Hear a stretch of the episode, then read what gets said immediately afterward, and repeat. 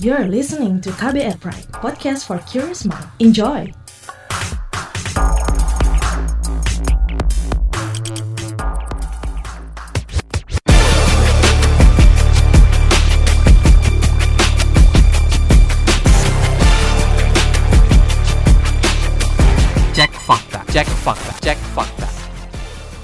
Beredar di media sosial sebuah pesan berantai yang isi pesan tersebut mengklaim bahwa vaksin yang diberikan kepada balita khususnya generasi umat Islam merupakan salah satu trik pemusnahan massal generasi muda Islam. Beredar pula foto yang diklaim sebagai kartu nikah versi baru dengan empat kolom foto istri. Bagaimana penelusurannya? Kembali bersama co-founder dan fact-check spesialis masyarakat anti fitnah Indonesia Mavindo Ari Bowo Sasmito, saya Don Brady, menghadirkan topik teratas periksa fakta Mavindo periode 28 Agustus hingga 3 September 2021, hasil periksa fakta dengan tingkat engagement paling tinggi dalam akun Instagram at turnbackhoaxid. Podcast ini bisa Anda simak di kbrprime.id setiap Senin dan di aplikasi podcast lainnya.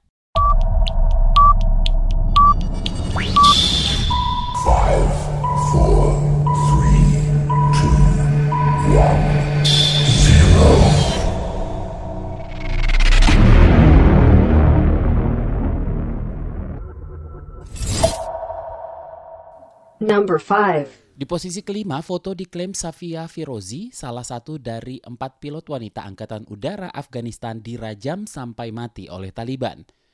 Beredar foto yang diklaim sebagai foto Safia Firozi, salah satu dari empat pilot wanita Angkatan Udara Afghanistan yang meninggal karena dirajam oleh Taliban. Foto yang dimaksud bisa dilihat di Instagram at. Foto apa ini Mas Ari dan bagaimana penelusurannya?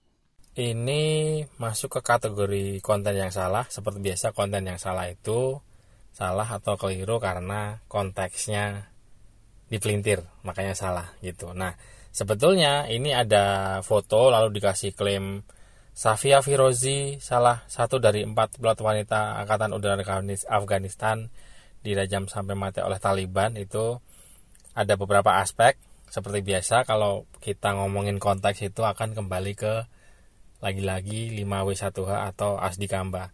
Apa, siapa, di mana, kapan, bagaimana karena itu dasar yang bisa dipegang dan e, itu konteks ya. Jadi konteksnya dari salah satu atau lebih konteks itu salah berarti salah karena sampai sekarang masih cukup banyak juga yang gampang tertipu pokoknya asal fotonya betul, videonya betul, peristiwanya terjadi lalu dianggap benar padahal ya konteksnya salah kejadian di asdi kampanye salah begitu. Nah sebetulnya konteks yang betul itu adalah dari nama. Namanya itu bukan Safia Firozi tetapi wanita yang namanya itu Farhunda Malikzada semoga betul saya menyebutnya. Ini kejadiannya adalah dirajam karena dituduh membakar Al-Quran di Afghanistan di Maret 2015 jadi jauh ya jauh dari sekarang. Jadi memang pelintiran atau hoax itu biasa mengikuti tren. Nah, tren sekarang itu kan memang sedang naik Taliban dan Afghanistan berkaitan dengan kekuasaan di Afghanistan itu diambil alih oleh Taliban. Makanya pelintirannya juga mengikuti tren mengaitkan dengan hal itu. Padahal ya memang betul kejadiannya di Afghanistan, tapi ini peristiwa di kalau Asdikamba itu dari kapannya dari kapannya itu tidak cocok karena ini peristiwa dari foto di tahun 2015 bukan 2021 bukan sekarang yang artinya tidak ada kaitannya dengan tren atau peristiwa di Taliban sekarang itu.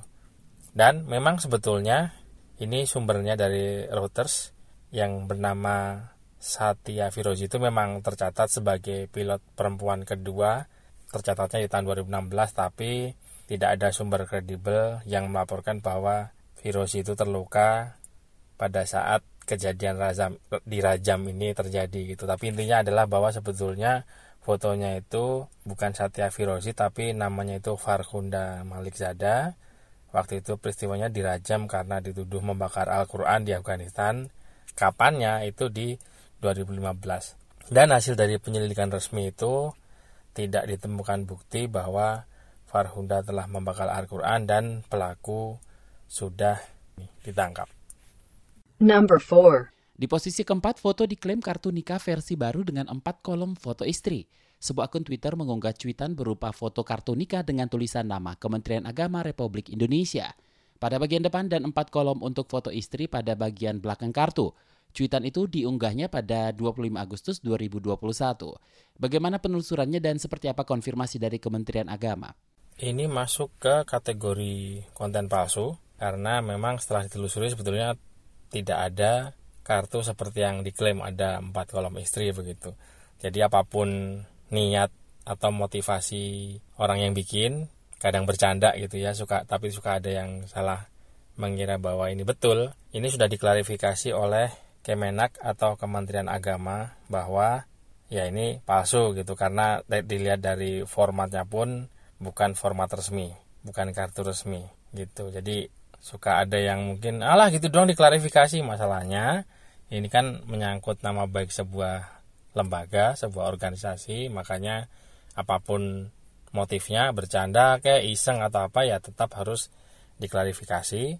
Dan sudah diklarifikasi juga oleh yang berkaitan sumber autoritatif makanya dibuatkan artikel klarifikasi. Dan sebetulnya mulai Agustus 2021 Kemenak Republik Indonesia Kementerian Agama itu sudah tidak lagi menerbitkan kartu nikah secara fisik diganti dengan kartu nikah digital. Dan ini juga sebetulnya bukan pengganti buku nikah jadi setelah dapat digital pun akan menerima buku nikah fisik. Dan yang digital ini ada barcode ini bisa di scan dan dibaca dari data-data barcode tersebut gitu yang intinya adalah bahwa ini konten palsu karena tidak dibuat secara resmi oleh Kemenak karena formatnya pun tidak seperti si yang ditampilkan konten palsunya ya di situ dilihatkan satu suami empat istri karena aslinya ya cuma suami dan satu istri. Number three. Di posisi ketiga, judul artikel soal masjid meledak saat waktu sholat Jumat, sebanyak 20 orang jamaah meninggal dunia. Beredar informasi dari sebuah akun Facebook berupa link artikel dari situs lanjutbaja.site yang berjudul Innalillahi, Masjid meledak saat waktu sholat Jumat. Sebanyak 20 jemaah meninggal dunia. Semoga husnul khotimah. Amin. Dengan foto sebuah masjid dengan kubahnya yang terbakar. Bagaimana nih penelusurannya Mas Ari?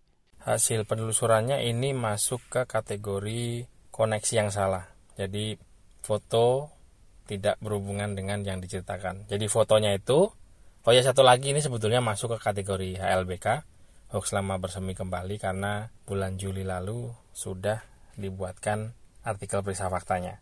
Jadi biasa HLBK itu sesuatu yang sudah diklarifikasi, dimunculkan lagi, kadang munculnya bisa lebih dari sekali. Jadi HLBK, terus di HLBK lagi, di HLBK lagi. Nah, faktanya sebetulnya foto yang dimuat itu adalah foto kejadian kebakaran Masjid Tokorup di Aceh Utara di 28 Desember 2019.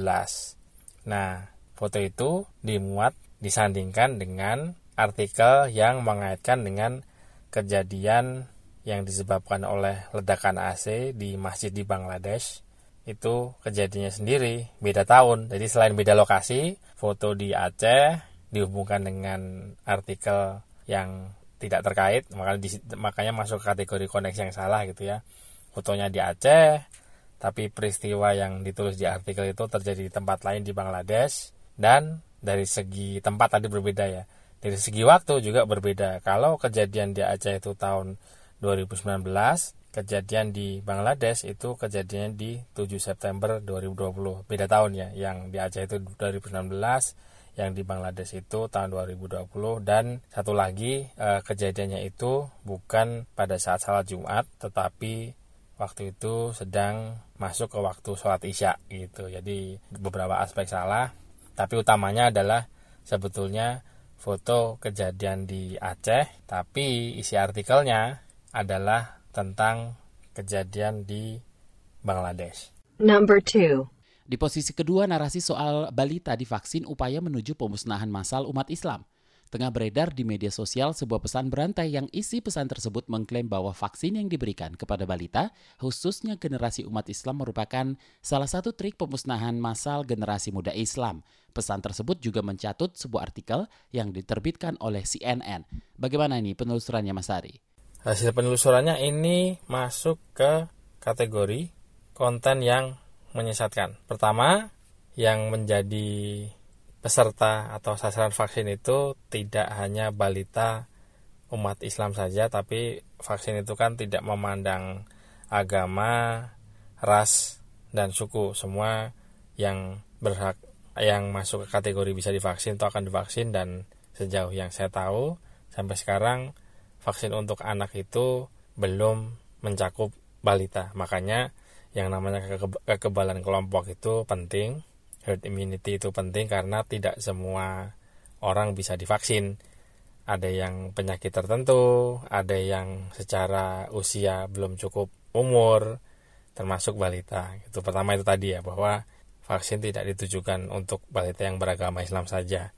Kedua, ini teknik klasik yang sebetulnya memanfaatkan kemalasan orang untuk membaca. Jadi orang kan sering cuma stop di judul lalu mengambil kesimpulan. Nah, dalam hal ini mengambil artikel dari CNN, diambil tautannya, dibagikan di WhatsApp, kelihatan di situ bahwa DKI itu akan memperlakukan rumah yang belum divaksin ditempel stiker gitu. Jadi konteks aslinya sebetulnya tidak tidak keluar dari hal itu bahwa ini penempelan stiker ke rumah yang belum divaksin titik tidak ada hubungannya dengan hal lain jadi itu memang sudah sering terjadi artikelnya valid betul fakta tapi dibagikannya dengan ditambahin narasi dan orang akan lebih baca narasi tambahannya daripada membuka tautannya karena memang pada dasarnya malas baca tadi gitu. Jadi uh, aslinya adalah sebetulnya tidak ada hubungannya. Berita yang di CNN itu menyebutkan tentang balita yang